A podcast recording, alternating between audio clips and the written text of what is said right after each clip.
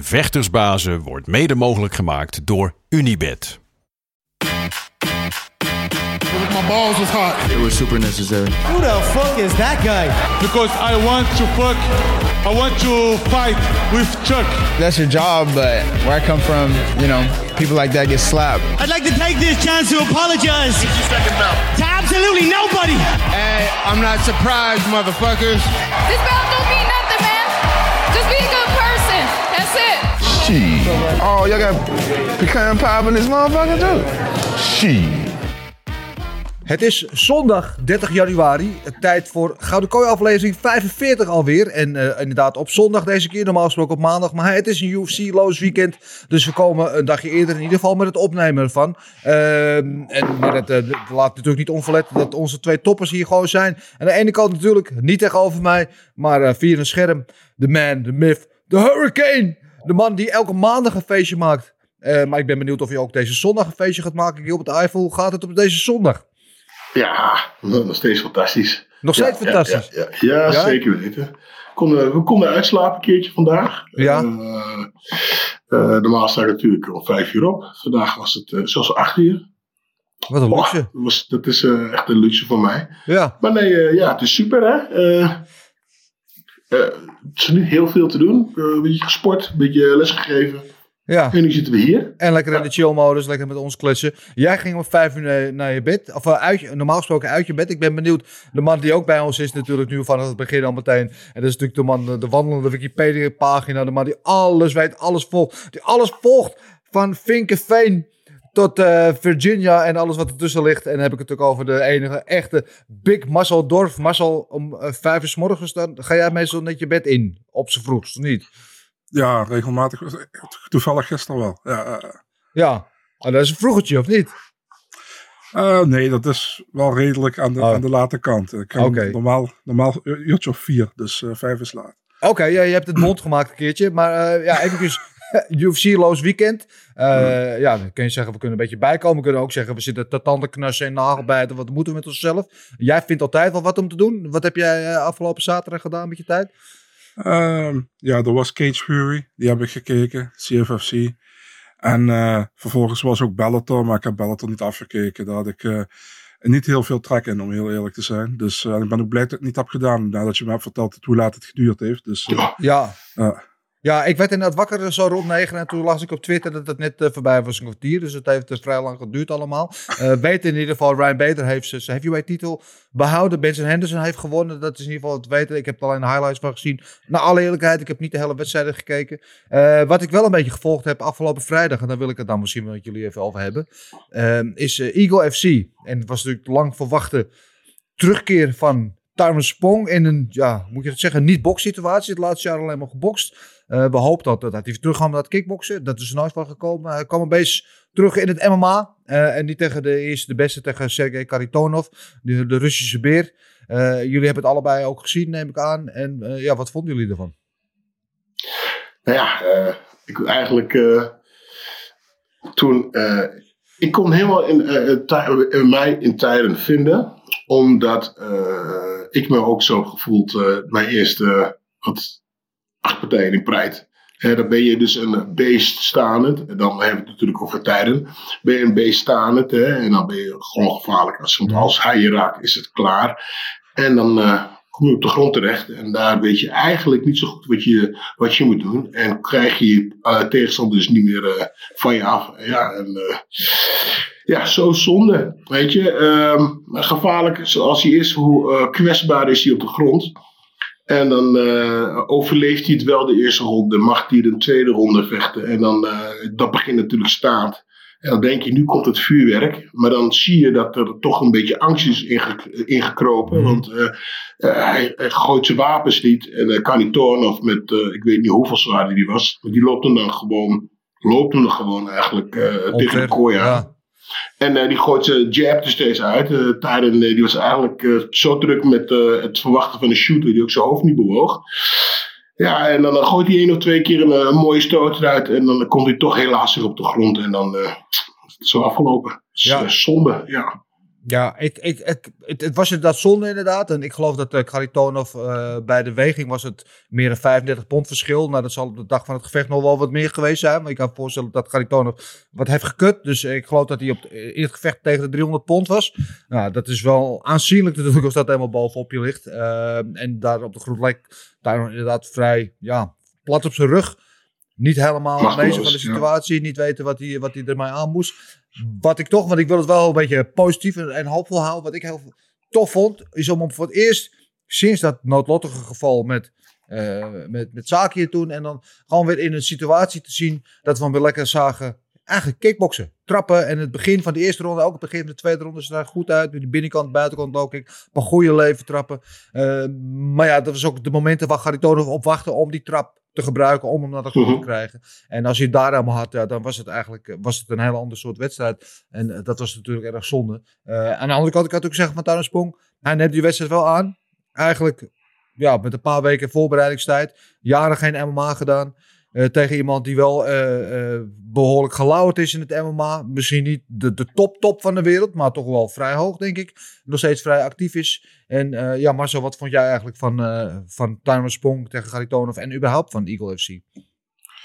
Ja, ik sluit me daar wel bij aan wat Gilbert zei. Man. Je zag dat, dat Sprong veel moeite had met uh, Garitonov toen hij bovenop hem zat. dat hij erg zwaar was, uiteraard. En ja, het was ook moeilijk in te schatten. Weet je, Sprong is zo lang niet gevochten volgens mij. En in het MMA is volgens mij meer dan tien jaar geleden. Volgens mij heeft hij de eerste twee WSOF-cards heeft hij, uh, gevochten destijds. Dus echt lang geleden al. Dus um, ja, ik had, uh, ik, had wel, ik had wel hoop, omdat Karitonov eigenlijk ook een beetje aan het einde van zijn Latijn zit van zijn carrière. Maar hij ziet nog altijd dat hij, uh, dat hij nog altijd die veteraan is die precies weet wat hij eigenlijk moet doen om een partij te winnen. Dus ja, goed, goed gedaan gedaan. Wat ik van Eagle FC vind. Um, ja, het lijkt me wel een aardige organisatie. Alleen, ik heb wel mijn bedenkingen bij bepaalde dingen waar je bijvoorbeeld... Eh, kijk, Khabib is dan hè, de, de eigenaar en alles. Ja, hè? De maar Ali, loopt er, maar Ali loopt daar ook rond, weet je. Ali ja. Abdelaziz. En dat is uiteindelijk, als hij daar allemaal vechters van zichzelf bij zet, en, en, enzovoort, enzovoort. En hij, hij regelt ook gewoon veel achter de schermen krijg je toch een soort van conflict of interest, weet je, op een gegeven moment. En uh, dat was al zo bij de WSOF op een gegeven moment. Ik weet niet of dat ook weer bij Eagle FC gaat gebeuren. Maar goed, we gaan het zien. Maar wat ik ja. gezien heb tot nu toe van Eagle FC. Kijk, Evans had ook gewonnen. Weet je, dat vond ik ja. leuk om te zien uiteraard. Tegen Gabriel Checo. Rashad Evans inderdaad. Ja. ja. En, uh, maar goed, die kaart die ze erop, had, erop hadden staan qua naam en alles. Kijk, was, was goed. Weet je, uh, Ray Borg. Um, ook een geweldige partij trouwens. Dus ja, ik, ik, ben heel benieuwd wat in het vervolg gaat komen. Je krijgt nu nog uh, Kevin Lee tegen Diego Kevin Lee, Sanchez. Ja, daar ben ik heel benieuwd naar. Met name ja. naar Kevin Lee op die 165. Wat dat, uh, wat dat hem gaat opleveren. Maar, trouwens ja. wel zeggen, heel veel mensen zeggen dat Eagle FC daarmee is gekomen. Brave is daarmee begonnen met die super lightweight divisie. En die krijgen daar nooit de credits voor. Maar nee. die zijn daar eigenlijk mee begonnen. Bij en, deze. Uh, ja, maar ja, ik ben ook heel benieuwd naar wat je zegt. ja. ja. Ja, maar ja, en die 165 en die 175 divisie natuurlijk, die er ook nog tussen zit. Uh, ik denk dat dat in, nou, in ieder geval aan het Amerikaanse gedeelte wel, uh, ja, voor veel vechters een oplossing zal zijn. En met, vooral voor Kevin Lee, natuurlijk bij de UFC altijd een beetje tussen de wal het schip viel, uh, tussen 155 en 170. Ik denk dat hij daar wel oh, so garen bij spint. Zou je meer gewichtsklasses willen hebben in het MMA sowieso? Of zeg je zoiets van, uh, ja, het is ook weer iets te veel als je om de vijf pond een gewichtklasse Nou ja, kijk, met boksen is dat natuurlijk wel zo. Met boksen heb je gewoon mm -hmm. om de vijf pond heb je een gewichtsklasse. En dat heb je ook wel meer gewichtklasse. Maar dan zie je ook vechters makkelijker van de ene gewichtklasse naar de andere wippen en weer terug. Uh, dus er zijn veel meer mogelijkheden dan. Dus wat dat er gaat, zou je zeggen ja, want van 155 naar 170 is heel veel. Van 170, 185. Van 180, 185 naar 205. Weet je, de, de, de, de, het verschil is enorm. Weet je, om dat te overbruggen. Je kan bijna niet van de ene naar de andere gewichtsklasse makkelijk gaan. Enkeling dagen laten. Dus wat dat betreft zou je zeggen van ja, je hebt meer gewichtsklassen nodig. Andere kant is, je wilde ook niet de divisies verwateren. Mm. Dat, er, ja, dat er een aantal minder sterke divisies komen. Je wil de divisies zo sterk mogelijk hebben. Dus ik, ik vind het een moeilijke discussie. Maar in, in, eerste beginsel zou ik zeggen, ja, er moeten meer, meer divisies komen. Weet je, het is ook zo'n beetje met uh, wat ze jaren hebben gewild, eigenlijk met die cruiserweight divisie tussen light heavyweight en heavyweight. Maar ja, weet je, ik heb een beetje het idee dat heel veel van die gasten hebben zoiets van, uh, uh, die cruiserweight dan kunnen al 235 pond of zo. Die zoiets hebben van fuck it, ik ga liever voor de heavyweight titel, want dat heeft meer, hoe Ja. zeg je dat? Uh, dat, heeft, ja, dat? Dat draagt meer dan een cruiserweight die, uh, Ja. titel. Kijk bijvoorbeeld als ik aan Gilbert zou vragen, wat zou je liever zijn, een heavyweight kampioen of een cruiserweight kampioen? Ik ben ervan overtuigd dat die heavyweight kampioen zou zeggen. Mm, ja, nee, ehm, sorry. Eh, eh, ik zou liever eh, eh, vechten in de iets lichtere gewichtsklasse. klasse, Want dit is, de heavyweight is heavy, weet je. Dit zijn echt allemaal Ja. zwaar. En die lichtere, iets lichtere, ah, het is toch ook makkelijker vechten, vind ik persoonlijk. Snap maar wat, wat, heeft meer, uh, wat, wat heeft meer draagvlak voor je qua... Uh, als, als je tegen iemand zegt, ik ben cruiserweight kampioen of ik ben heavyweight kampioen? Nou, ja, ben Maakt niks uit. Ja, mij maakt het niet uit. Als je kampioen bent, ben je kampioen. Weet je, de, de titel van uh, uh, uh, nou, de, Figueiredo is het dus nu.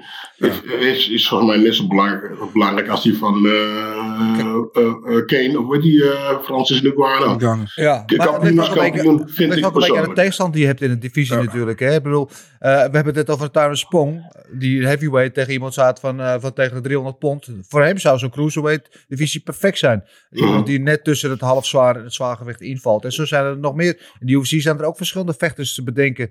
Die in de heavyweight divisie vechten. Maar eigenlijk vrij kleine heavyweights zijn. Mhm. Eh, en en dat, dat zijn niet altijd per se de minste. Dus ja, ik zou, ik zou dat best wel eh, eh, een toevoeging kunnen vinden. Waarom niet? Ik, ik snap het wel met boksen. Boksen, hè, is eh, ja, de, de zwaar gewicht. En ik snap natuurlijk wel met het MMA ook. Want als je de heavyweight kampioen bent, ben je dan automatisch de, de baddest man on the planet. Maar ja, eh, je ziet het eh, als John Jones eh, kampioen is, uh, de halfzwaargewicht kampioen. En ik weet niet of er dus veel zwaargewichters zijn die van John Jones kunnen winnen. Dus dan maakt het eigenlijk niet uit of die, of die heavyweight kampioen is of de z- eh, hal- eh, zwaar of half zwaar. Ja. Eh, light heavyweight. is. Light heavyweight, ja. Want dan, ja, volgens mij is hij nog steeds de baddest man on the planet. Ik ben wel met je eens, overigens. Ja. Ja.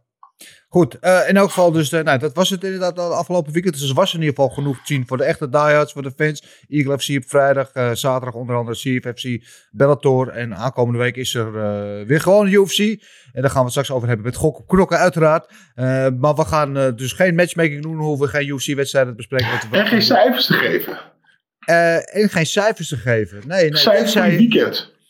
Ja, mijn weekend is best wel oké. Ja, wat is jouw Ja. cijfer voor je weekend? Ja, zeven.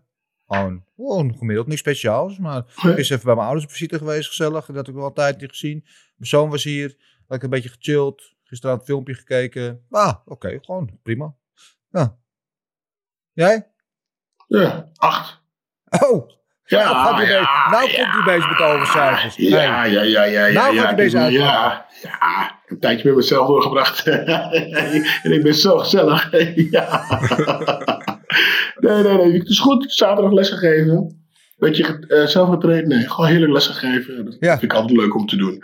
En eh, toen ben ik thuis gekomen, gechilled en ik ben eh, lekker vroeg naar bed gegaan. Ja, Ja, heerlijk man. En eh, nu zitten we hier. Hoppakee. Dat is al, Ja. dat is al, dat is al zeven punten waard.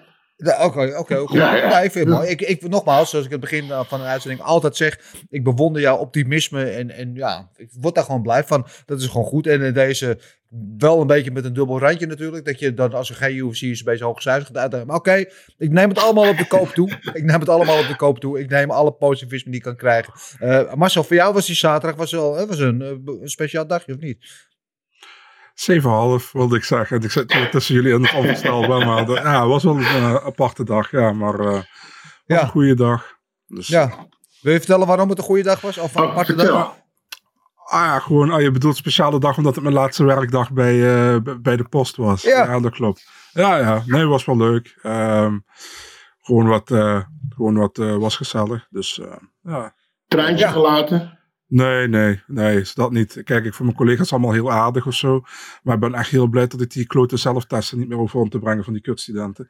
dus eh, daar ben ik heel erg blij mee. Dus eh, nee, wat dat betreft eh, vind ik dat niet zo heel erg. Maar eh, ja, kijk, ik, ik heb daar, hoe lang heb ik daar gewerkt? Bijna tien jaar. Dus ja, ik... En geen eens een traantje? Nee, man. Hij is koud hoor. Nee, nee, luister, ik, ik heb contact gewoon van die, van die mensen. Dus als ik iets wil zeggen, kan ik ze nog altijd contacten. Oh, nee joh, kom. Ik, Nee, uit, wel, wel een gouden brievenbus gekregen voor zijn vertrek. Maar Nee. wat me misschien gauw- gauw- Een gouden Ja. gleuf. een gouden gleuf, ja. En ik wou het niet zeggen, maar je maakt het toch.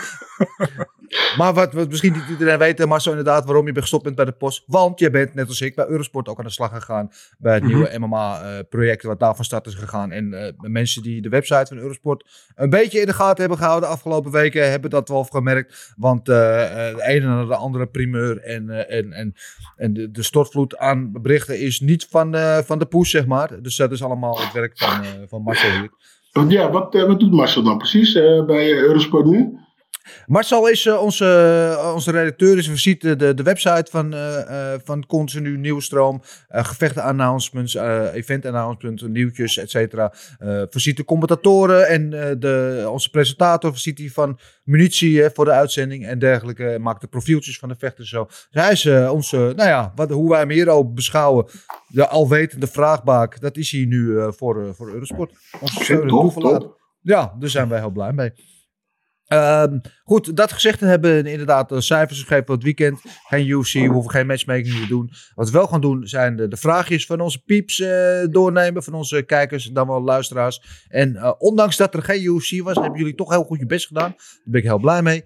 Eh, dus we gaan er even doorheen. Eh, het, zelfs zoveel vragen gesteld dat eh, eh, we moeten een beetje gaan nou ja, selecteren. Want sommigen stellen ook eh, drie, vier, vijf vragen. Zoals natuurlijk onze OG-vragensteller Jan van der Bos. Met wie we natuurlijk altijd beginnen. Eh, maar dat wil niet zeggen dat we alle vragen kunnen behandelen.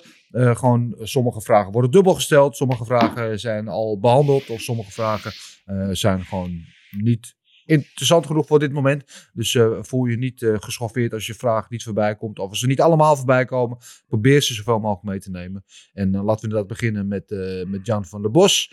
Ehm, die vraagt zich af over Tuiner Spong, waar we het net over hadden. Hij was redelijk kansloos op de grond. Was het slim om terug te komen met de MMA-partij? Of past Glory niet beter? Ja, eh, zeg het maar, heren. Had hij niet beter eh, terug kunnen komen met kickboksen? Ja, is achteraf altijd makkelijk koe in de kont kijken. Ja, ja, hij heeft eerst toch altijd gebokst. Eh, nou, kickboksen, ja, is een. Ja, kickboksen en MMA, volgens mij maakt het in principe niet uit. Ik denk dat hij zijn eh eh, pijlen richt op het, eh, op het MMA. Het kickboksen heeft natuurlijk al heel veel bereikt. Ja, Eh, nou, grote partijen als eh, eh, eh, F- de, de FFC, dat? AFC was het toch? Ja. En eh, de UFC, ja, als je daarbij terechtkomt, is dat voor Ja. hem een- volgens mij een goede thuisbasis. Ja, Glory heeft alleen gevochten en ik denk niet, eh, ik denk niet dat er nog heel veel te winnen valt voor hem daar persoonlijk. Ja, ik denk dat het vooral een financiële component is hoor. Ik denk, want hij, hij heeft met Glory gesproken heel lang. Zijn er niet uitgekomen. gewoon op basis van de financiële voorwaarden. En eh, ik denk als hij daar wel was uitgekomen, dan hadden we hem nu zien kickboksen en niet MMA vechten. Maar hij, ja, hij zegt zelf altijd, ik ben een prijsvechter. En degene die het meeste betaalt, die, eh, daar vecht ik voor. En of het nou MMA of kickbox is. Dus eh, ja, ik, ik zou het graag wel willen zien hoor. Maar je ziet dan af en toe wel inderdaad de momenten die hij heeft met het bewegen en, weet je wel, en, het, en stoten en het combineren met het trappen, dat hij het wel heeft. Het is wel meteen lekker om naar te kijken. Dus ik zou het wel willen zien. Maar het is niet aan de orde op dit moment. Dus ja, het is eh, in een glazen bol kijken of we dat nog gaan zien. Ik hoop het, maar wie weet. Eh er was in ieder geval een one-fight deal voor eh, Eagle FC. Dus eh, hij is nu weer in principe vrij om met iedereen te praten. Dus we zullen zien wat daar verder van komt. Even kijken. Heeft het over Denise Kielholz. Ja, inderdaad. Die vecht in, in mei in Bellator. Deze week bekend geworden. Zoals ook door Marcel op eurosport.nl vermeld. Ehm, worden jullie ook blij van de namen op de UFC London kaart? Eh, ja, dus eh, afgelopen weken, voor vorige week bekend geworden. 19 maart UFC Londen. De eerste Europese UFC-kaart in meer dan twee jaar. Dat is natuurlijk sowieso iets om blij van te worden. Dat ze weer deze kant op komen. De main event werd eh, afgelopen week bekend. Tom Espinel tegen Volkov. Ja, wel een goede main event. Paddy Pimblett zat onder andere op die kaart ook. En, en zo nog een paar lokale helden uit het, uit het Engelse. Ja, wel een, precies veelbelovend uit, toch maar zo? Ja man, aardige kaart tot nu toe denk ik. Eh, heel erg inderdaad gefocust op de, op de Engelse fan uiteraard, is in Londen. dus ja, ja sta, het, eh, de, de matchups stromen binnen en een paar hele goede ertussen denk ik. Ik heb er ook straks een paar bij, bij Fout Announcements, dus eh, ja. Oeh, daar hebben we vast weer om naar uit te kijken. In ieder geval 19 maart is iets waar we ook eh, naar uitkijken. Eh, dan ja, inderdaad het gerucht. Ik weet niet of dat zo is. Dat Juliana Peña en Amanda Nunes die natuurlijk een rematch voor zich hebben. Waarschijnlijk Ultimate Fighter coaches worden. Marcel, heb jij daar iets over gehoord? En zo ja, hoe, in hoeverre is dat waar? Ja, daar heb ik ook inderdaad iets over gehoord. Ehm, ja, laten we heel eerlijk zijn. Ehm, de Ultimate Fighter, ze zeiden dat ze hem helemaal gingen vernieuwen. Helemaal Ja. eh, om gingen gooien. Was gewoon precies hetzelfde als daarvoor was. Wij Ehm, een nieuwe zakken, ja. Ja, en ja, ik, ik kan me niet voorstellen dat een seizoen tussen Juliana Peña en Amanda Nunes interessant is hoor. Kijk, ik kijk wel uit naar de gevechten altijd. Ik, ik, ik heb, moet heel eerlijk zeggen, vorige seizoen heb ik steeds doorgespoeld tot we het gevecht zagen. Die, die shit, daarvoor had ik geen zin in. En dat gaat dit jaar ook weer gebeuren als die twee tegen elkaar staan. Want luister, Nunes, ja, qua trash talk is niet, is niet daar. En Peña is ook niet aan te horen. Dus Nee. dat, dat gaat niet fantastisch worden. Ze hadden gewoon nee. het zou eigenlijk gewoon Colby tegen Masvidal hadden ze moeten doen. Ja. Als coaches. Als ze echt, als ze echt een nasty eh, trash talk hadden willen hebben. Maar ja. Nou, eh, wel interessant overigens over Amanda Nunes, wat natuurlijk eh, volgens mij anderhalf week of zo geleden bekend werd gemaakt. Dat ze weg is bij American Top Team. Dat ze haar eigen team gaat vormen in, in Florida. En ik eh, ben benieuwd wat dat oplevert. Dus toch jarenlang al eh, bij American Top Team. En eh, ja, opvallende stap. Dus ik weet niet of het een met het ander te maken heeft. Maar we gaan het in ieder geval in de gaten houden. Dan verder van Dutch Judas op Twitter. Fighter Pay staat weer vol in de spotlights. Jake Paul, die investeerder is geworden. En Greg Maynard deed net een boekje open. eh, over zijn eerste tit- title fight. Ja, inderdaad. eh, Jake Paul is natuurlijk sowieso. Hè, want eh Nagano heeft het de afgelopen weken natuurlijk wel weer aardig onder de spotlight gebracht. Ehm, eh, afgelopen week zat hij bij Ariel Hawani. Had het erover dat hij zelfs in aanloop naar die laatste wedstrijd. Want hij wil natuurlijk niet meer voor die 6 ton vechten waar hij nu voor vocht. Een nieuw contract aangeboden heeft gekregen van de UFC. Waar hij geloof ik 6 of 7 gevechten 7 miljoen dollar van zou krijgen. Dus pak een beetje een miljoen per partij. Dus dat is eh, bijna een verdubbeling van, van zijn huidige gage. Maar dat heeft hij niet aangenomen. Omdat hij... ehm, ehm, nou ja, dat ging niet alleen om het geld, ging hem ook om de vrijheid. Om bijvoorbeeld ook die bokswedstrijden te doen. Hij wilde niet meer nou ja, onder de huidige omstandigheden van de UFC eh, eh, werken. Dus hij heeft dat eh, aanbod afgeslagen. Maar inderdaad, er kwam een eh, berichtje naar buiten. Jake Paul heeft aandelen gekocht in Endeavor, de moedermaatschappij van UFC. Om zo, ik weet niet of het publiciteitsstunt is, maar zo zegt hij dan, proberen van binnenuit iets te doen aan die kwestie van fighter pay. En ik zag inderdaad ook een interview voorbij komen met Greg Maynard, die voor zijn eerste titelgevecht in 2010, meen ik, tegen Frankie Edgar, 26.000 dollar betaald kreeg. Ja, en dan ben je op, de, bij de pinnacle van de sport, op het hoogste podium, eh vecht je om een titel. Eh, het lijf en leden stel je in de waarschaal eh, voor de entertainment van ons, voor de fans. En dan verdien je 26.000 dollar. Dat lijkt me niet helemaal in verhouding, toch? Nee. Eh, maar ja, het heeft natuurlijk ook wat het, contract te maken. Hè? Ja, ik ben niet zo goed zo'n goede businessman. Maar eh, ja, als jij eh, een contract hebt en je mag eh, na drie, vier partijen vechten voor de titel. Ja, dan win die titel. En Ja. volgens mij verandert er dan heel veel. En niet alleen qua pay, maar ook sponsors.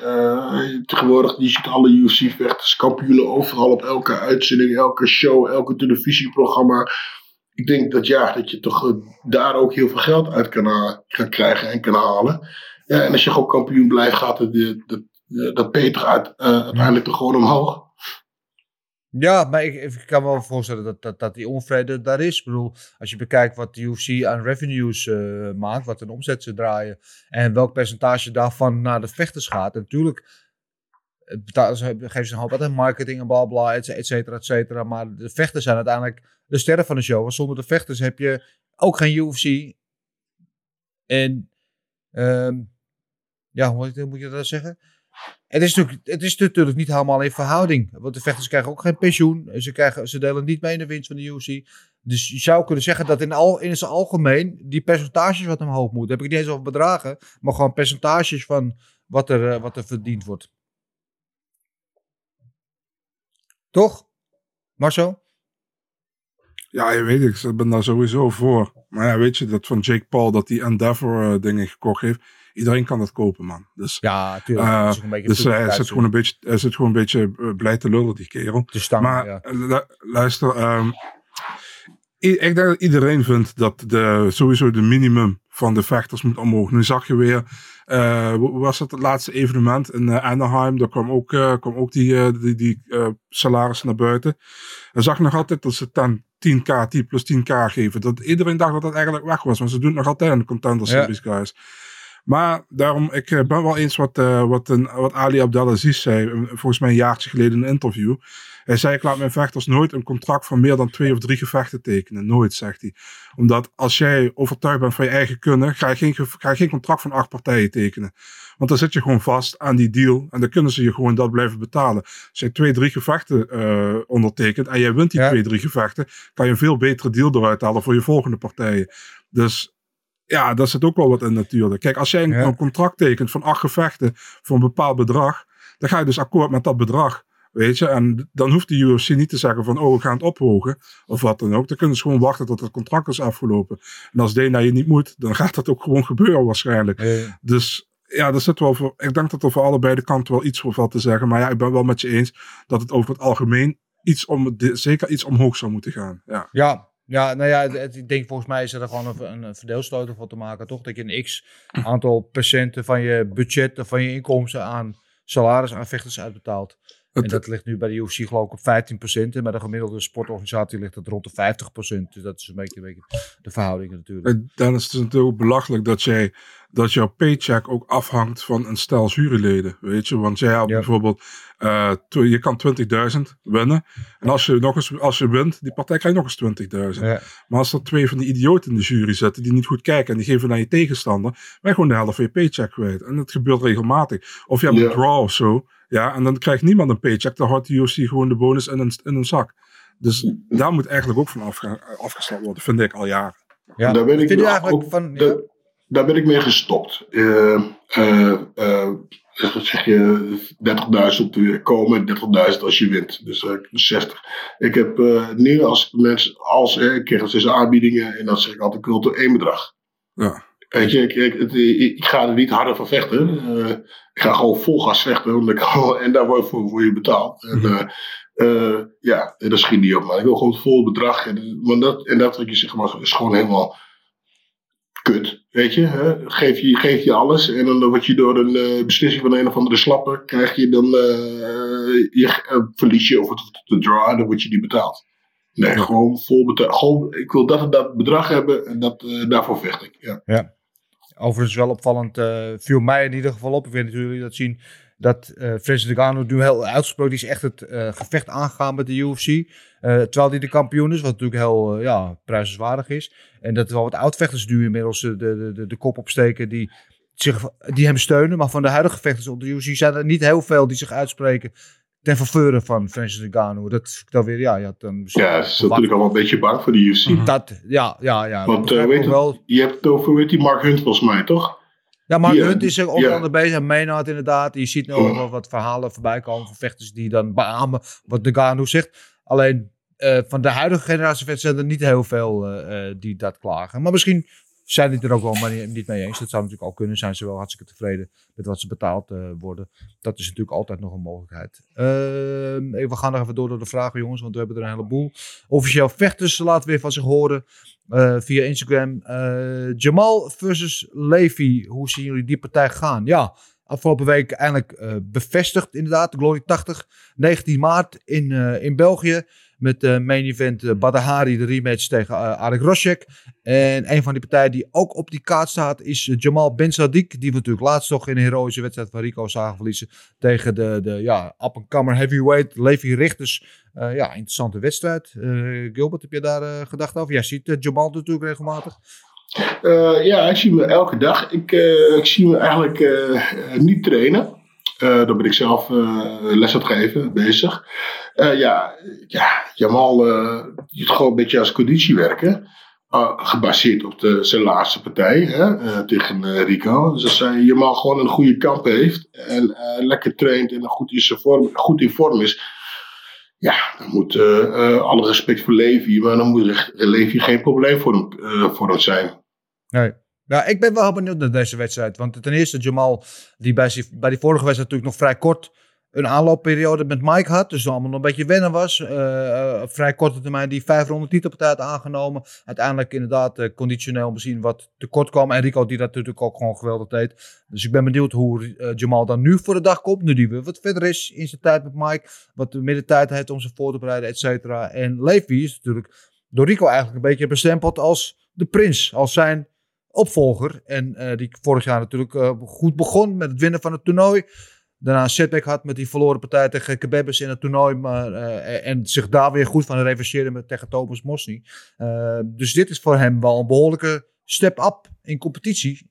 En ik ben wel benieuwd hoe die zich houdt. Dus het is een beetje ja, de gevestigde orde. Jamal die al voor de titel heeft gevochten twee keer. En dan tegen Levi Richters die door Rico zelf is bestempeld als nou ja, misschien wel zijn toekomstige opvolger. Dus eh, ja, ik, ik, vind, ik vind het een interessante matchup. Ik ben benieuwd. En inderdaad, nou, tegen Rosek, dat verhaal kennen we natuurlijk allemaal. En eh, ook bekend geworden bij Glory zag ik eh, gisteren toevallig. Want dat komt weer voort uit de samenwerking met Infusion die ze gaan doen. Dat Nordin Bermo. Nou, we kennen allemaal Nordin Bermo natuurlijk van die heroïsche titanenstrijd tegen Mohamed Jarrah een aantal jaren geleden bij Infusion. Die heeft ook getekend bij Glory. Over lange contract gesproken, ik geloof voor negen partijen. Eh, en die gaat eh, zijn opwachting maken op 19 maart tegen Gerrit Billet uit eh, Frankrijk. En dat lijkt me ook wel een eh, interessante wedstrijd. Dus eh, ja, het begint wel een aardige vorm te krijgen ook daar. Wat, Eh, eh, denk, wat denk je ja. eigenlijk van, eh, ja, we glijden er een beetje overheen, maar wat denk Ja. je van Badder? Wat zijn de kansen van Badder voor deze partij? Nou ja, kijk, je bent altijd zo goed als je laatste wedstrijd. Hè? En eh, bij Badr liep dat vorige keer niet goed af. Maar als je naar die wedstrijd kijkt, tot dat moment eh, was hij dominant. Had hij drie knockdowns op zijn op zijn naam al staan. En had hij nog één knockdown nodig om de partij te winnen. Werd daarna wat te gretig, waardoor hij de wedstrijd uit handen gaf. Kan gebeuren. Het is of een fout, of het is nou ja, pech, of hoe je het wil noemen. Eh, maar basis van wat we tot dan hebben gezien, moet hij natuurlijk gewoon van die pool kunnen winnen. Maar wel handjes hoog houden bij die hoge natuurlijk. Zo, zo ja, je, hij, had, hij had natuurlijk al die druk van al die partijen al op zijn, op zijn eh, van al die verliespartijen op zijn naam. En eh, Ja. nu mocht hij dan tegen iemand vechten waar hij eigenlijk wel zou moeten winnen. Ja, en dan verlies je uiteindelijk toch. Hè, hoe hoog, hoe groot zou die druk nu zijn voor, zijn, voor die partij? Kan hij het van zich Ja. afgooien? En gewoon doen wat hij moet, goed, moet doen. Zoals wat wij allemaal weten wat hij kan. Hij kan hem eigenlijk gewoon eruit slaan. Of eh, ja, gaat hij ja, Ja. Ja, nou ja, hij heeft zich altijd, eh, hij heeft altijd prat gegaan op het feit dat hij rematches nooit verliest. Rico was dan de eerste, de laatste keer in het Gouden Dome. Maar alle andere rematches die hij ooit gedaan heeft, heeft hij volgens mij altijd gewonnen. Dus eh, als de geschiedenis wat dat betreft een, een voorspeller is voor de toekomst, dan, nou ja, dan zit hij aan de goede kant. We gaan het zien. Het is in ieder geval interessant.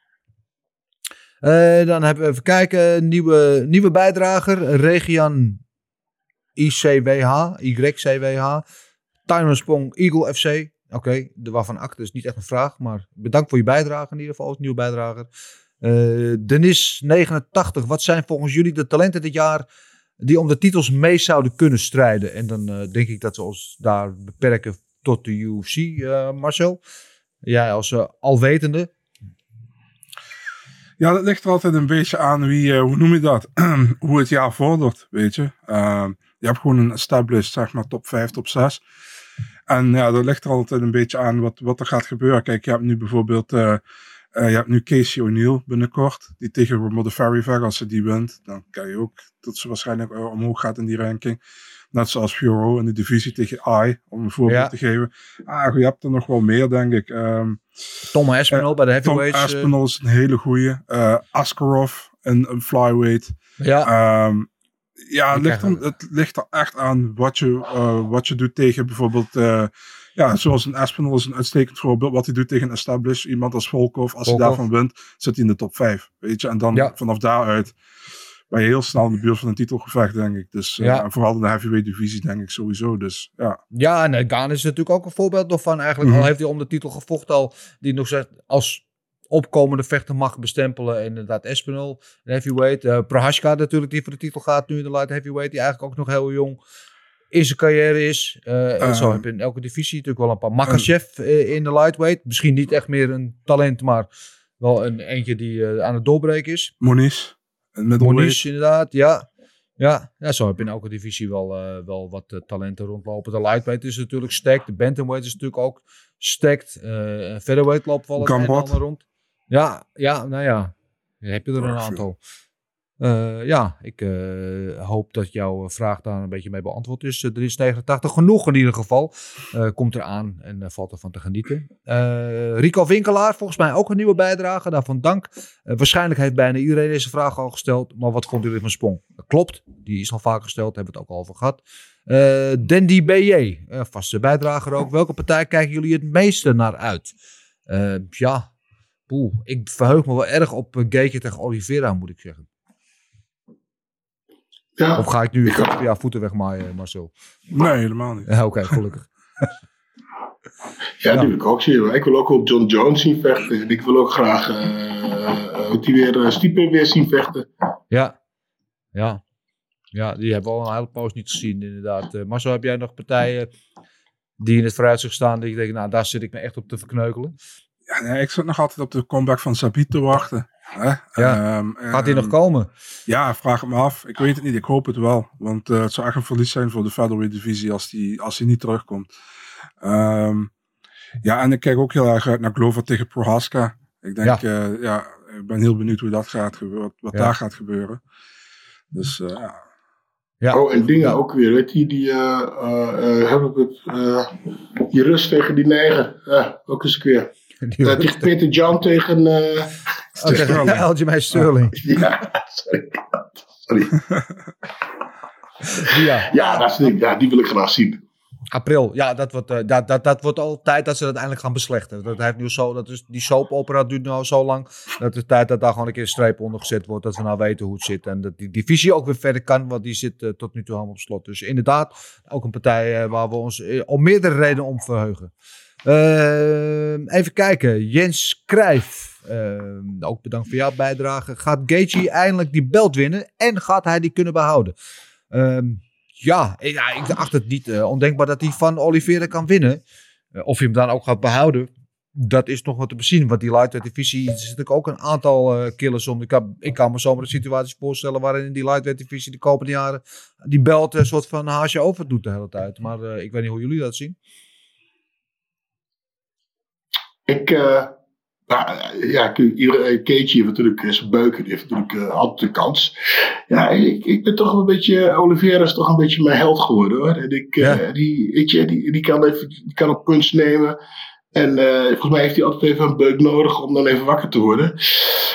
Ik, ik, weet het niet hoor, maar ik, ik denk dat hij hem wel een tijdje gaat behouden. Ik hoop het voor Ja. maar ik, ik denk het eigenlijk wel. Ik denk het zal allemaal een beetje stuk lopen op hem. Ja, nou Oliveira had natuurlijk altijd daarbij ja, de reputatie dat hij onder druk een beetje bezweek. Hè, als hij onder druk dat hij, dat hij in elkaar stortte. Maar zijn laatste twee wedstrijden tegen Poirier en daarvoor tegen Chandler, eh, waar hij op een haar na gefinished werd twee keer en terugkwam en de wedstrijd besliste, geeft aan dat hij dat natuurlijk al overwonnen heeft. Dat die reputatie niet meer geldt, dat hij gewoon karakter ook heeft, dat hij ook zich over tegenslagen kan heen zetten en dat hij geëvolueerd is als vechter. Dus ja, ik weet het niet. En, en Gage weten we natuurlijk, die blijft ook altijd gewoon tot het gaatje gaan. Eh, eh, dus wat dat betreft wordt het een hele interessante wedstrijd. Maar ja, Oliveira is wel ook in mijn aanzien uh, danig gestegen in die laatste paar wedstrijden. Marcel? Ja, ik ben het met je eens. Um, ja, eigenlijk weer bij Gaethje is, kan, die die KO-stoot landen in de eerste ronde? En de vraag is, als Gaethje kan landen zoals Poirier deed en Chandler deed tegen Oliveira, kan Oliveira daar doorheen komen? En dat is een beetje de vraag, want ik denk dat uiteindelijk Oliveira wel de langste adem weer gaat hebben, mm -hmm. als hij daar doorheen komt. Dus dat is weer de vraag, weet je. En ja. uh, dat is wel interessant. En hij heeft het al twee keer... Kijk, ik zei ook voor die partij tegen Chandler toen van... Oliveira heeft vaker dat als die uh, wordt aangeslagen, dat hij niet meer terugkomt. Weet je? En nee. dat heeft hij wel uh, echt gelogen straf de laatste twee, twee partijen, vind ik. Dus uh, ik denk niet dat ik daar nog over mag praten. Dus okay. ja, hij heeft Doe het gewoon goed gedaan. En ik, ik ben heel benieuwd, man. Een goede partij mooi, ook. Mooi, mooi, mooi, mooi. Genoeg om naar uit te kijken. Ik verheug me ook op die wedstrijd inderdaad. Anna.mo, ook een nieuw bijdrage. Welkom. Uh, ook over Eagle FC uh, hebben we het uitgebreid over gehad. Uh, wat vonden we ervan? Hebben we ook gezegd. Dus bij deze. en dan iemand die noemt zich H.60282. ik weet niet of je zegt dat je je social security nummer is. Maar gezien het grondwerk van Spong wordt het tijd terug te keren naar Glory. Jullie mening. Ja, hebben we het ook al een beetje over gehad? Ja, ik hoop het. maar dat is niet alleen maar aan hem. Dat ligt ook een beetje aan de juiste omstandigheden. Uh, Erwin Spencer Fuckman. Nou ja, vaste bijdrager ook, dankjewel weer Erwin. Wat is jullie favoriete UFC heavyweight top 3 alle tijden? Oeh. Hmm, dat is een goeie. Want als je het specifiek UFC zegt, dan valt mijn favoriete heavyweight valt al af. Dat is ook. Fedor. Eh, ja, mijn favoriete top 3. Ik denk dat eh Kane staat daar sowieso in, denk ik. Verdum. En ik zou toch Stiepen zeggen. Denk ik. Jullie? Ja. Moet sowieso moeten we wel Bas Rutte erin doen, man. Denk ik. Ja, Bas Rutte natuurlijk. Ja, Bas Rutte ja, was natuurlijk heavyweight champ, maar was eigenlijk geen heavyweight. Maar ja, Mhm. Bas Rutte was natuurlijk legendary. Maar er ge- er staat ook geen champion bij, hè? Het is geen vraag of het een, eh, gewoon een heavyweight, geen champion. Klopt. Nee. Juist. Ja, eh, Bas Rutte, dat is sowieso één. Ja, weet je wat, we gooien we gewoon in Alistair. Ja, en Zeker. ja, ja, dat zijn, en dan gooi ik mezelf er ook in. Favoriete heavyweight UFC, dat ben ik Ah, zelf. ah, Hoppa, ik zet mezelf op Eh. drie. Ja. Heerlijk. Heerlijk. Ja, mooi. Ja. Ja, ik- dan noem ik Gilbert en Ellison noem ik twee. Ge- eh, Ellison misschien wel eh, de beste die nooit de titel heeft gewonnen. Een van de beste die nooit de titel heeft gewonnen. En ja, dat ben ik Gilbert- natuurlijk ook. Hè. En- en Gilbert- Is dat geworden? misschien de beste wiens belofte in de UC nooit is uitgekomen wat, wat we ervan gehoopt hadden. Kan ik het zo zeggen? Ja. Je had het veel verder kunnen... Ja, sowieso. Met Pride en UFC. Ik had het, eh, eh, het allemaal beter aan kunnen pakken. Punt. Maar, het is niet voor niks geweest. Want nu zit je hier. Ja. Nou, zie je, nou, dat- dat- eh, ik zeg wat alles, alles eh, eh, hoe het ook gelopen heeft, hè, het heeft ons gebracht tot dit moment. Daarom. En daar kunnen we niet Precies. ontevreden over zijn, toch? Nee, precies. Hartstikke idee. Eh, even kijken. Verder op het lijstje staat nog... Oh ja, is er al een nieuwe partij van Talia Santos bekend? Volgens mij niet, maar daar weet Marcel vast meer over. Ik Nee, want die, ik verwacht eigenlijk dat hij tegen Shevchenko wordt gezet. Dat denk ik ook, dus- ja. Wel wat te snel naar mijn mening. Mhm. Maar dat is, eh, bij gebrek aan betere contenders zal dat inderdaad wel gaan gebeuren. Ze is wel de, de, ja, een van de meest kanshebbende daar. Ehm, en verder de laatste van Erwin. Die vraagt hebben jullie wel eens een baaldag bij sommige vechters die verloren hebben? Nou, ik heb niet per se een baaldag als van ve- Ik heb wel een baaldag van een bepaalde winstpartij. En dat is natuurlijk als Greg Hardy wint. Dat de laatste tijd ook niet zo vaak gebeurt. Dan heb ik al wel een beetje een baalmoment. Maar nee, ik, ik heb nooit echt baalmomenten van bepaalde vechters. Jullie wel?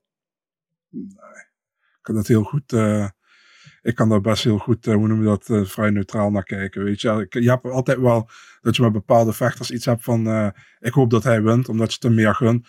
Maar als hij niet wint en hij verlies verdient, ja. Ja. Weet je, die andere wint terecht. Wat, wat, wat zou ik daar moeilijk over gaan doen? Weet je, ik heb, eh, ik heb, ik heb andere dingen om me druk over te maken af en toe. Dus eh, ik ga niet over andere druk maken wat dat betreft. Weet je. Eh, heb, je, heb, je dat dan wel met, heb je dat wel met voetbal? Als je team verliest, dat je dan... Oh. ja? Raar is dat eigenlijk, hè? Het, het Ja. ligt er een beetje aan. Bijvoorbeeld, kijk, als ik, eh, ja, ik ben Ajax, Ajax fan. Als, als Ajax terecht verliest, naar mijn idee, dan heb ik ook zoiets van, ja, terecht verloren, weet je. Ja, kloten, maar terecht verloren. Maar als ik echt zoiets heb van, ze, voor mijn gevoel hebben ze er geen kloten aan gedaan en ze hebben op 40% gevoetbald, ja, dan ben ik wel kwaad, man. Dan heb ik wel zoiets van, flikker op, weet je. Eh, doe gewoon 100% en zorg gewoon dat je die partij wint, terwijl je beter bent, Ja. snap je wat ik bedoel? Ja. Overigens heb ik net wel gelogen. want Ik heb het trouwens bijna elke week heb ik baalmomenten als bepaalde vechters verloren hebben. Dat is namelijk als ik op ze gegokt heb het gokknopje.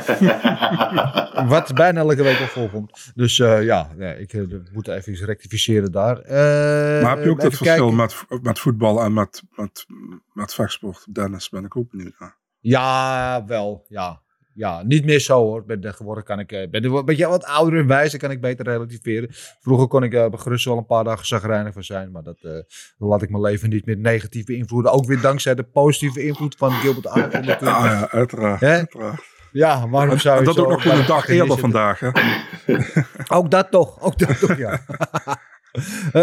Even kijken, we hebben nog een, nog een nieuwe bijdrager, dankjewel. Eh Boxfit aan de kade. Eh, stel, er komt weer een UFC Ahoy. Welke Nederlandse vechters moeten er dan op de kaart? Ja, dat is, in het begin kunnen we daar ook vrij kort over zijn. Want de enige Nederlander die nu bij de UFC onder contract staat, is Germaine. Eh, die moet sowieso op de kaart, want die walkout van Germaine toernooi is nog steeds in mijn beleving een van de meest memorabele walkouts ooit. Niet alleen in Nederland, maar gewoon überhaupt in de geschiedenis van de UFC. Wat was dat geweldig zeg. Eh, ik nog kipvel als ik daaraan denk. Eh, eh, maar dan moet, het is een hoog tijd om wat nieuwe Nederlandse talenten in de UFC te pompen, toch? Iedereen is het mee eens? Ja, nee, het, het- er is gewoon niet veel Ne- Nederlands talent. Weet je wat? Ah, shit, daar vergeet ik zijn naam. Oh, nee. Shit. De one kampioen. René de Ridder, ja. Ja! René de Ridder zou ik graag die kant op willen zien. Ik gooi hem er weer even in als kijkerstraf. Ja, Ja, ja, ja, ja. ja. die uh, Reinier Ja. Ridderman. Waarom moeten we die niet... Die moeten we in de UFC hebben. Weet je, ja, dat ik- dat zijn naam vergaat, maar oké. krijgen we boze, de- boze DM's. Ja, ja de Ridder. Eh, we hadden natuurlijk laatst eh, Jarno Ernst eh, bij Vechterspaas. Eh, dat is een, een groot talent die we graag die kant op zouden willen zien gaan.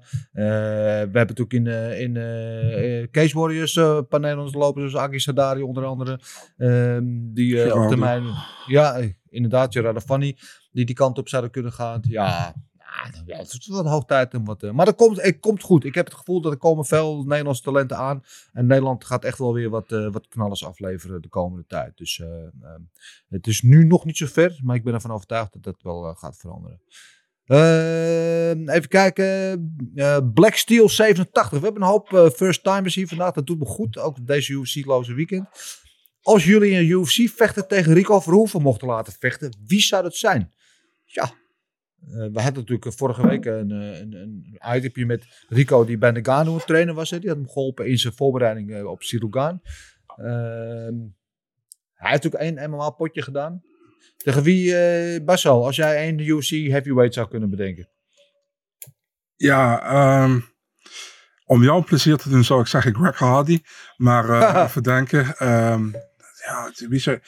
En welke regels? Ja, de, ja en MMA-regels dan. maar dat- MMA, gewoon daarom- ja, MMA-regels. Ik weet niet. Kijk, ik heb Rico één keer gezien in een MMA-partij. En dat is zo Ja. lang geleden. Dus ik weet niet Ja. of dat... eh, of Vijf, dat, eh, geleden, ja. ja, of dat nu per se een goed idee is, weet je. Maar Ja. ik, ik weet het niet hoe Rico daar zelf tegenover staat. Dus dat is natuurlijk ook belangrijk. Ja. Ehm, nee, ik, ik kan je daar eigenlijk geen antwoord op geven, Dennis. Ja, als ik hij gaat natuurlijk binnenkort tegen Alistair Overeem al over UFC-vechten gesproken, maar dan op kickboxregels. Ja. Ja, ik zou Gaan, Gaan zou ik interessant vinden. Toch, ehm, ja, ook een beetje dezelfde bewegingsstijl als Rico, ook een, een kickbox-achtergrond. Eh, technisch heel goed. Lichtvoetig, goed voetenwerk, wat Rico ook allemaal heeft. Ik denk dat dat wel een interessante wedstrijd eh, zou kunnen zijn. Dat zou Ik zou Tom Jones willen zien tegen. Jij zou John Jones willen zien? Ja, Ja. Ja, ik ben bang dat John Jones er een wasselwedstrijd van maakt. En dan, ja, dat sowieso. Maar het wel leuk. Ja, leuk? Ja, leuk. Ja, weet je, hij moet er wel eens de grond krijgen. Dat zal ook wel Ja. gebeuren. Maar ja, ja. Ik ga even Jones. doen met die boomstammen van, eh van Rico. Want die heeft echt fucking huge benen, man. Echt, Niet normaal. vol. Niet normaal. Eh, even kijken, dat was Black Steel, dankjewel. Brian 196666. Ehm al vaker hier gehad. Bedankt voor de podcast, mannen. Graag gedaan. Gilbert, zou jij geen live verslag willen doen? Nou, volgens mij eh, heb je daar wel wat over te zeggen, of niet? Eh, ja, eh, nou, oké. Ja, Of ik mogen we dat het werkt. zeggen? Of, of, het, of, het, of het mag, maar ik ben laatst gebeld en er werd gevraagd of ik. uiteindelijk wordt het waarschijnlijk een analist, analist gaat worden voor. ik zeg het gewoon voor de eh, Spijk, om het bij Bellator. Hartstikke idee. Ja, een Spijker Bellator. Eh, dat is dan niet live verslag. Eh, Of is het dan live? Wordt het dan live? Ja, het is geen Ja, commentaar, is maar live, wel het is ja. Ja, de, ja, had ik altijd een keer willen doen. Eh, ik vind het super spannend. Het is nog niet 100% zeker of het eh, zo is, want er kwamen- staan nog een paar dingetjes. Maar ja, het lijkt me. Ja. Ik, ben al, ik ben al de hele dagen ben ik aan het oefenen van de, Ja, mijn gezichten, mijn gezichten trekken. Maar ja, ik, eh, nee, ja, ik, ik vind het, ik vind het spannend, leuk. Ik Ja. denk, eh, ja. Ja, lukken. dus hier eh, in, de- in de podcast. Gewoon, Ja. Je wordt dus uh, hoogstwaarschijnlijk onderdeel van het broadcastteam van eh, Sp- Bellator op Spike. Nou, dat, is, dat is een hele verheugelijke mededeling. Ons niet vergeten, hè? Hey, Nee, absoluut niet. Top 10 wat er aankomt. ja. Hebben top. Dus eh, nou ja, dan eh, is die, eh, die vraag ook meteen beantwoord. Ja, dat wil je. En ja, dat gaat hij ook doen. En Brian vraagt zich verder nog af. Hoe denken jullie dat Covington tegen Masvidal gaat lopen? Masvidal box is wel beter, zegt Brian daar, daarbij. Ehm, ja, ja, ik weet het niet. Het, is, wordt wel een heel beladen wedstrijd. We hadden het net al over. Ex-teamgenoten waren vrienden. Nu zijn het aardsvijanden wat dan ook. Alles Covington met iedereen volgens mij aardsvijanden als het, als het zo uitkomt. Ik neig toch naar Covington. Ik weet het niet. Als we op basis en styles make fights. En je kan natuurlijk niet eh, de ene tegenstander van de andere uitwisselen. Maar als we de twee wedstrijden van Masvidal uitwisselen tegen die twee van Covington tegen... eh, eh, sorry, tegen Oesman.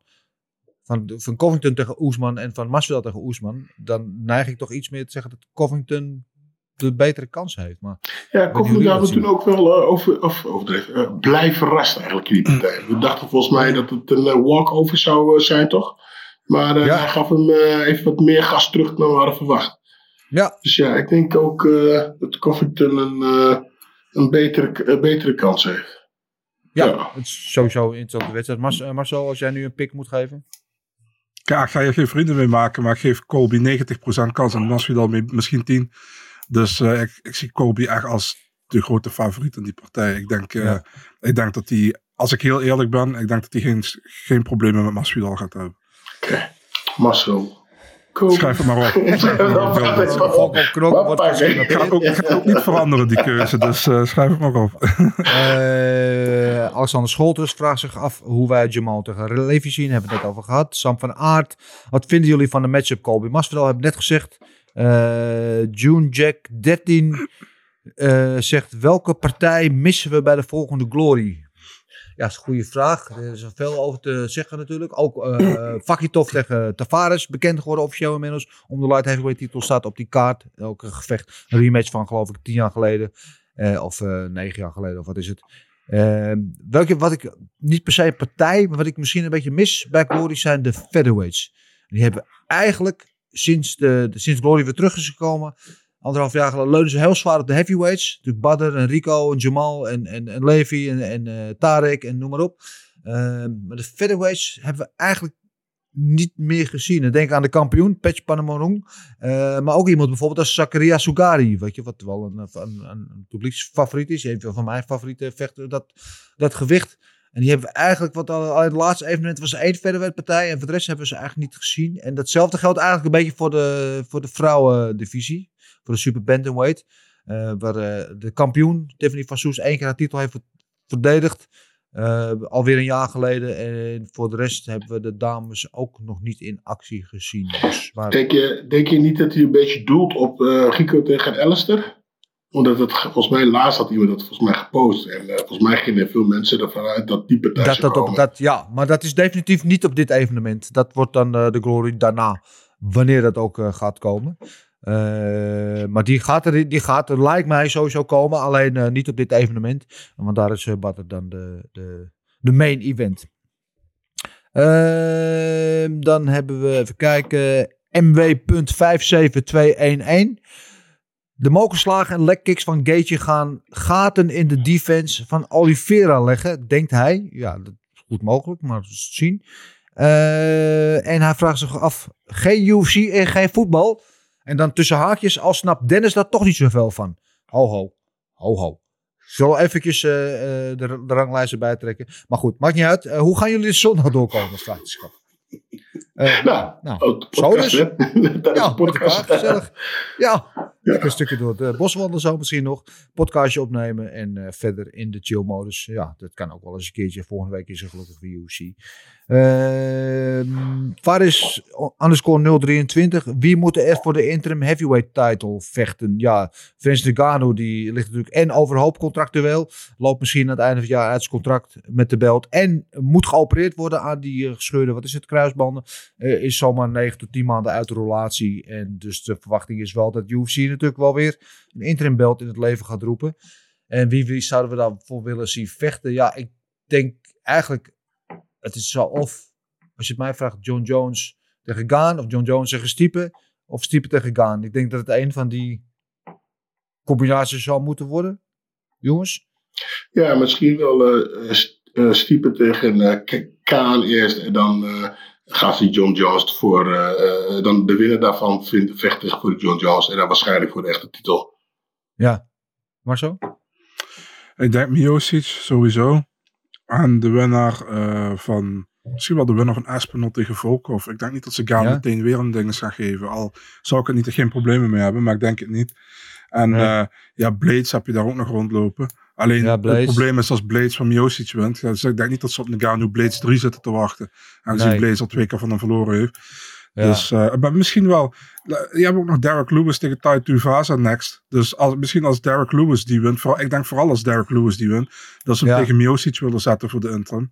En eh Ja. Tuivasa, ja, steken de ding is, hoe noem je dat, kans voor Tuivasa. Maar als hij die wint, staat hij in de top 5 van de divisie. Dus Ja, dan kan er zo wel gekke dingen gebeuren. Ja, genoeg interessants in ieder geval eh daar bovenin.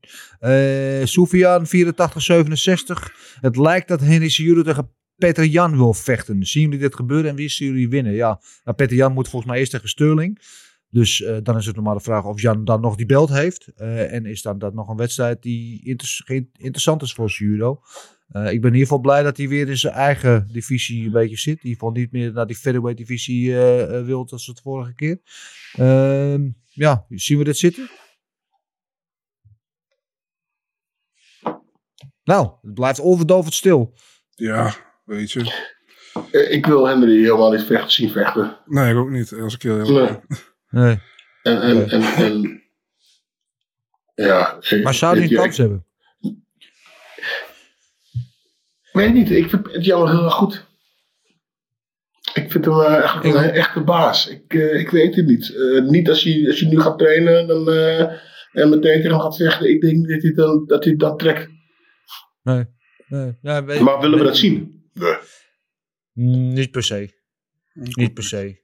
Nee, nee, niet per se. Maar ik denk wel dat Suro wel is wel een van de mentaal sterkste vechters. Dus eh, mentaal gezien en, en hoe hij een wedstrijd benadert en, en zich kan inleven en op, op, een, op een gameplan van de tegenstander kan fixeren, heeft hij altijd een kans, denk ik. Maar eh, nee, laten we eerst die, eh, de rest in die divisie maar even in beweging krijgen, wat we net zeiden. Want die staat al te lang stil. En dan hebben we nog één vraag. Dan zijn we door de hele lange lijst heen gegaan. Jullie allemaal bedankt voor jullie inzet. Keep it coming. We worden er heel blij van. En die is van Atta58T. Eh, eh, de eerste bijdrager ook, dankjewel. Wat vonden jullie van Eagle FC 44? Hebben we het over gehad. En what's next voor Spong? Ja, what's next voor Spong? Ehm, ik weet het niet. Hij is free agent. Want dat was, ja, worsteltraining. Of misschien toch weer op het boksen. Of misschien dat Glory toch nog een keer de visje naar hem gaat uitgooien. en dat we hem nog een keer in die kickboxring zien. Als de, de price right is. Ligt eraan wat hij zelf wil, denk ik een beetje. Ja. Wil hij in het MMA of wil hij toch nog gaan kickboksen of boksen? Het ligt er een beetje aan, Ja. denk ik. Ja, ik hoop in ieder geval dat hij weer wat actiever is. Dat we hem gewoon wat vaker zien. Wat überhaupt, welke, welke discipline die ook uitkomt, hij is gewoon een sieraad voor de sport. En eh, ik ben gewoon altijd blij als ik hem eh, zie vechten. Ook al verloor hij, zoals afgelopen vrijdag. Maar ja, het is toch altijd, je ziet altijd weer die glimpsen van, van, eh, van het talent. En, eh, weet je wel, en, en de kracht die hij heeft en de souplesse. Dus eh, nou ja, wat hij ook gaat doen, ik hoop dat we hem in ieder geval vaker zien. Ehm, dan zijn we aan het einde gekomen van alle vragen. En dan staat er weer op mijn lijstje bellen met Marcel Dorf. Dus we pakken de telefoon. En hey Marcel, hoe gaat het? En heb je nog leuke fight matchups voor ons? Ja, gaat goed man. Ik zal eens even kijken wat ik voor jullie heb. Ehm, ja, we beginnen bij UFC Londen. Arnold Allen tegen Dan Hoeken. Leuke wedstrijd. Ja, dan denk ik ook uh, Hoeken terug naar featherweight, waar hij eigenlijk uh, begon in de UFC. Tegen Arnold Allen dus. Uh, Ja. Kaart. Nikita Krylov tegen Paul Craig. Ook een leuke pot. Ja. De, de Bear Jew terug. Inderdaad. Zelfde kaart, de comeback van Gunnar Nelson tegen Claudio Silva. Ja, die vond ik wel verrassend eigenlijk. Uh, nou, daar pas niks van gehoord van uh, Gunnar Nelson. Ja, nou, hij is uh, de hele tijd niet gevochten. Waarom niet, weet ik ook niet precies. Maar Nee. uh, nou goed, hij is weer terug op Was 19 hij, was hij ook niet eventjes gestopt of zo? Of in ieder geval afstand van de sport genomen? Of? Niet dat ik weet, maar het zou best kunnen. Ik heb geen idee. Oké. Ehm, nou, een week later, 26 maart, UFC Columbus. Mark Diakese tegen Vyacheslav Borshev. Ah, Boschev, die we natuurlijk laatst zagen met die geweldige uh, levensstoot KO. Ja, Uh, en uh, Diakise, die vaak bij, bij Hemmers Gym hier in Breda zijn voorbereiding doet. Dus uh, goede staande pot ook, denk ik. Ja, eens. Dan op 9 april UFC 273 Dricus Duplessis tegen Chris Curtis. Goeie partij, denk ik. De Action Man weer terug, ja. Daar kunnen we ook geen genoeg van krijgen. Goeie partij ook, denk ik. Ja. Ja. Op 16 april main event tussen een rematch tussen Vicente Luque en Bilal Mohammed.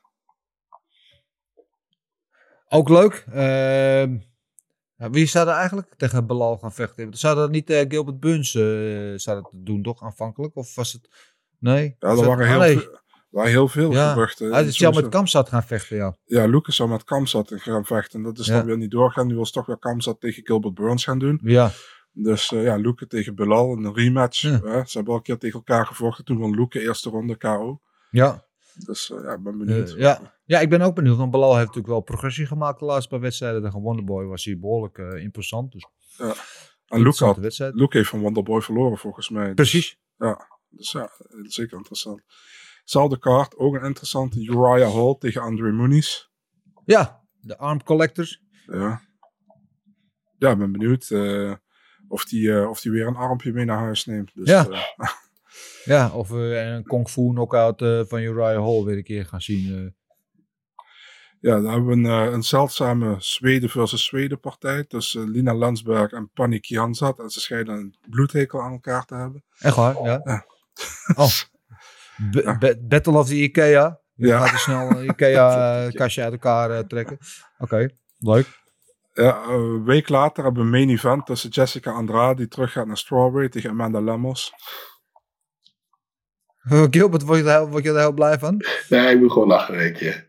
Ik kijk toch okay. wel een keer anders tegenaan. Oké, okay. ja, dat kan. Oké, okay. ja, opvallend dat ze weer terug gaat naar, uh, naar strawweight, inderdaad. Mm -hmm. voor, het, uh, voor de titel gevochten op flyweight. Uh, en is, is hij niet de eerste strawweight kampioen toen hij is eerste strawweight kampioen geweest? Nee, nee dat was Asparza. Oh ja, Asparza. Ja. Ja. Oké, okay, nou ja, in elk geval opvallende move. Maar ze is wel 1-1 tegen Rose. Dus als ze deze zou winnen, dan zit ze weer meteen zeg maar een pole position of zo. Dus, uh... Ja. Pole position. ja, van Dennis leuk als ik dat zeg daarom. Ik laat het gewoon langs mij gaan. Ook op 23 april hebben we Sumo Darchi tegen Manal Kaap. Flyweight gevecht.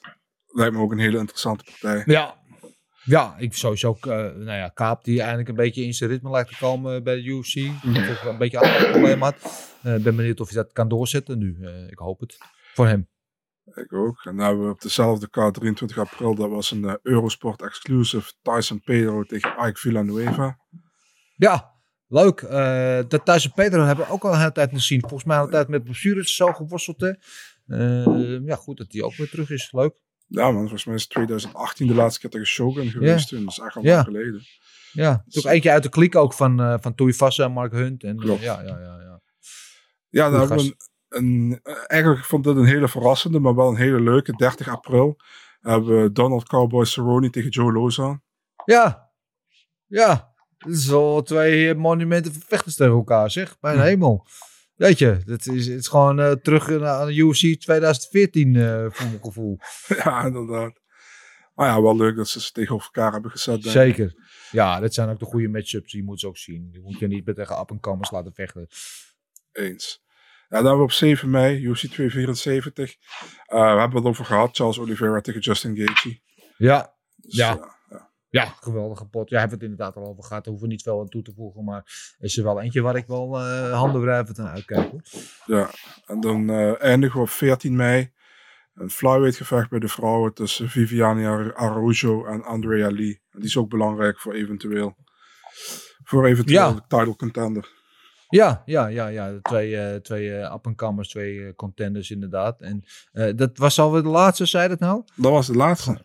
Jezus, het is het langste segment van de hele podcast geworden, dit. Uh. Veel nieuws. Uh, top, er zitten een paar hele mooie dingen tussen. Marcel, dankjewel weer voor al deze mooie updates. En er veel om vooruit te kijken. En dan gaan we nu naar het moment waar ik nu gewoon sowieso natuurlijk gewoon vrij van zorg aan kan gaan beginnen. Want er is niks gebeurd afgelopen weekend. Dus ik heb niks gewonnen. Maar ook niks verloren. En heb ik het natuurlijk over ons onvolprezen, ongeëvenaarde, onwaarschijnlijk leuk onderdeel. Gokken op knokken. It's time! Gokken op knokken. The winner by TKO. Waarin we dus geen punten gaan verdelen van afgelopen weekend. Maar wel vast eh, in ons glazen bol gaan kijken voor aankomend weekend. Als daar eh, uh, UFC Vegas 47 op het programma staat. In de Apex in Las Vegas. En dat is altijd weer een klein beetje terugschakelen. Als we natuurlijk net een uh, pay-per-view achter de rug hebben gehad. weer terug naar die lege Apex zonder publiek. Kleinere kooi. maar ja, het is wat het is. En vaak kunnen de gevechten ons dan blijven verrassen. De main event is in ieder geval eentje die er wezen mag. Dat is eentje in de middleweight divisie tussen Jack Hermanson, Hermanson moet ik zeggen, 60 gerankt. En de, de knettergekke, maar levensgevaarlijke Sean Strickland. En uh, die partij uh, heeft Strickland als favoriet in de opening odds met min 195 tegen plus 170 voor Hermanson. En dit is wel een wedstrijd, ja... Het, het, is natuurlijk sowieso, want er staan er volgens mij deze kaart staan er in totaal met de previews mee vijf of zes middleweight partijen op het programma. En dan de week later hebben we natuurlijk de main event, of de, de, de titelgevecht in de middleweight tussen Adesanya en uh, Robert Whittaker. Uh, met op diezelfde kaart dan ook nog een soort van contender tegen, tussen Brunson en Cannonier. Dus we hebben in de, de komende twee weken hebben we een soort van middleweight toernooi of zo lijkt het een beetje. Dus dat is wel grappig dat dat zo achter elkaar komt. Maar laten we eerst naar deze main event kijken. Hermanson tegen Strickland. Marcel, what say you over deze wedstrijd? Um, ik heb heel lang over na zitten denken trouwens, want ik was heel erg aan het, uh, hoe noem je dat, aan het switchen met wat, wat, ik, zou, wat ik zou doen in deze. Kijk, Hermanson, we weten allemaal dat hij op de grond heel sterk is. Hè? Zijn, uh, zijn BJJ is heel erg, heel erg sterk. Maar Strickland is nog nooit gefinished met een submission. Nee. Eén keer gefinished in zijn carrière, carrière en dat was tegen Zaleski dos Santos met een knockout.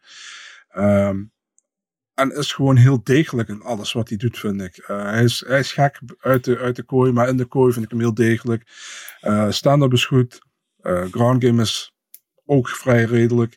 Ja. Ik verwacht eigenlijk dat hij hem, dat hij hem, dat hij de kaart, dat zijn cardio ook beter is. En ik verwacht dat hij een decision wint van Hermans, Hermanson. Dus ik ga voor Strickland decision. Strickland op decision. Gilbert, wat zeg jij? Ja, ik had precies hetzelfde. Ik, uh, ik, uh, dit is de enige die ik zelf had bedacht. de rest ken ik gewoon helemaal. Ja, eentje nog. Niet. maar nee, uh, Sean Strickland. Ehm, ja, ik vind hem steeds. Was ik steeds leuker om naar hem te kijken. Die andere ken ik niet. En ik, zijn, nou, hij is, Sean is volgens mij niet echt een finisher. dus ik zou ook Sean gaat winnen op, op punten.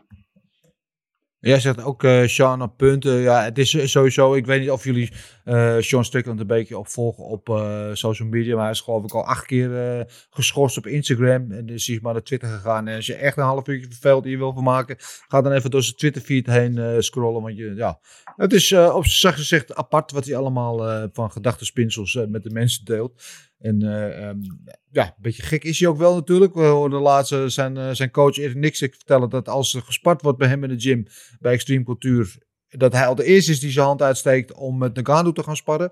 Als middleweight tegen heavyweight. En dat doet hij om naar eigen zeggen zo dicht mogelijk bij de dood te komen als mogelijk. Dus dat geeft wel een beetje aan uh, hoe zijn gedachten werken. Ik vind het altijd wel mooi. maar eventjes tot deze wedstrijd te beperken. Uh, ja, dus dat mensen is natuurlijk wel beter op de grond. Ik, dus wel verbeterd, ook op staand. Strickland heeft wel iets slikkere boksen. Goed van achter de jab. En als het moet, uh, kan hij hem ook finishen. Uh, en ik sluit ook niet uit dat die mensen uiteindelijk gewoon kan finishen met, met strikes. Dus ik ga hier ook voor Strickland. Maar ik ga hier voor een KO slash TKO in de vierde ronde. dat gezegd hebbende gaan we naar de co-main event. Dat is ook eentje in de middleweight. Uh, tegen Puna Soriano en uh, Nick Maximov. Uh, ja, twee ja, vrij, vrij goede records hebben zij in de UFC. Allebei in de eerste twee partijen, volgens mij in de UFC, gewonnen uit mijn hoofd. geen odds hebben we hiervoor. dus we kunnen het gewoon uit ons blote hoofd gaan invullen. Soriano natuurlijk wel iets meer de striker, vernietigend linkerhoek. Maximov iets meer de, de grondspecialist. Dus dat is uh, wel een klein beetje natuurlijk de striker versus grappler.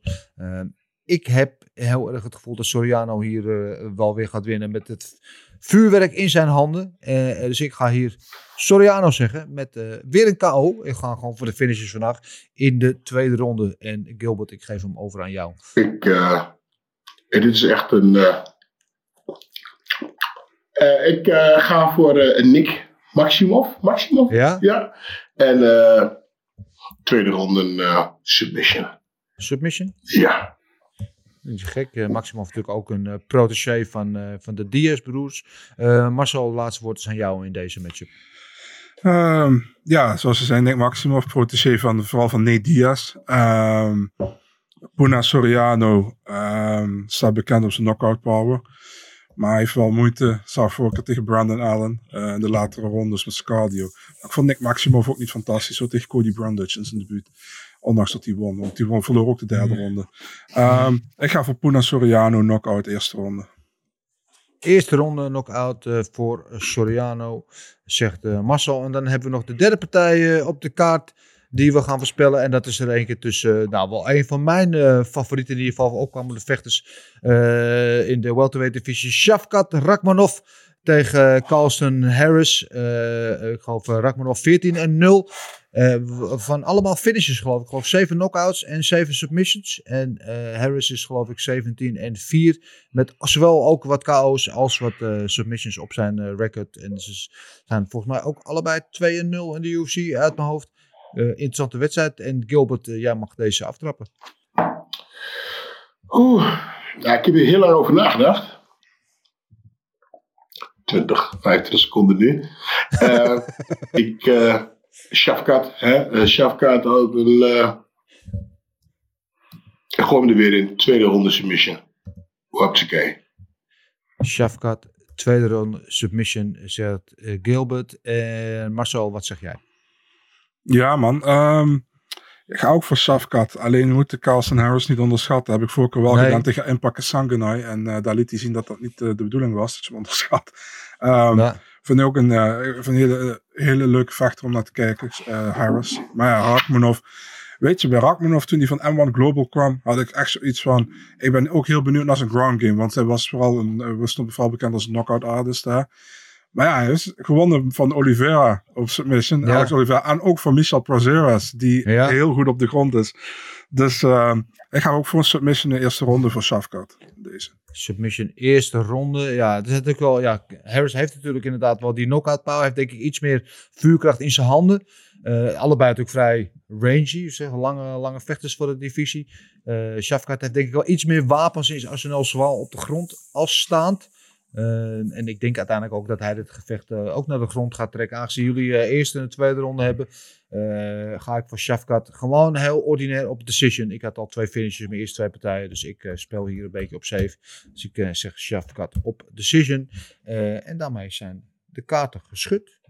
Hebben we alles bepaald. En dan kunnen we rustig vooruit gaan kijken naar aankomende zaterdag. Nog zes dagen dat hebben we daarvoor. In- plaats van de vijf die we normaal hebben als we op maandag opnemen. Dus we kunnen er rustig naartoe leven. En daar verder op die kaart staan daar eh, op de main event nog eh Smar en Sam Elfie. Ook een eh sparringpartner van Sean Strickland tegen Phil Horse.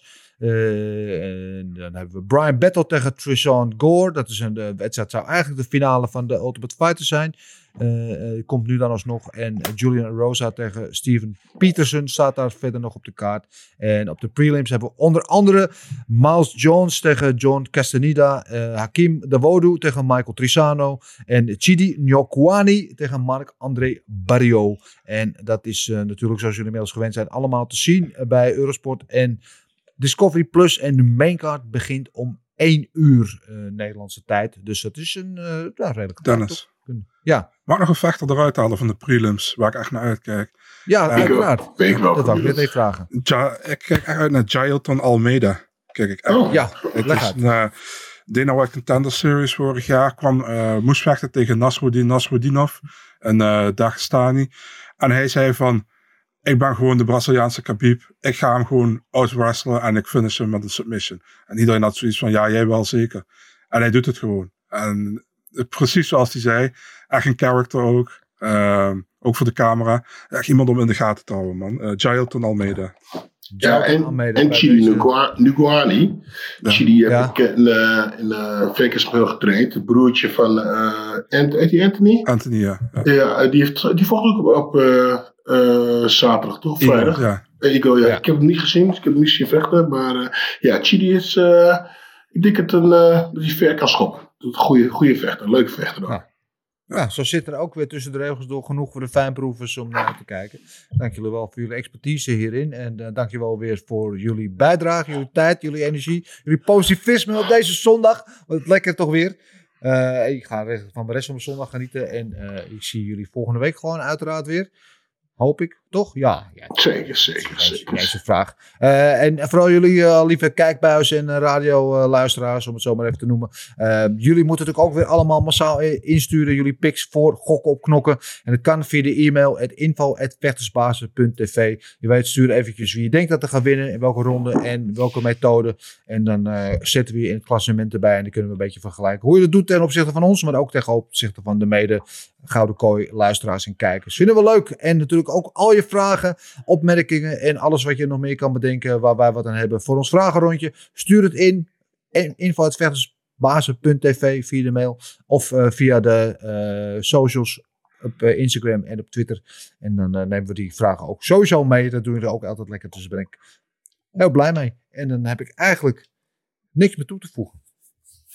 Behalve dat ik moet zeggen.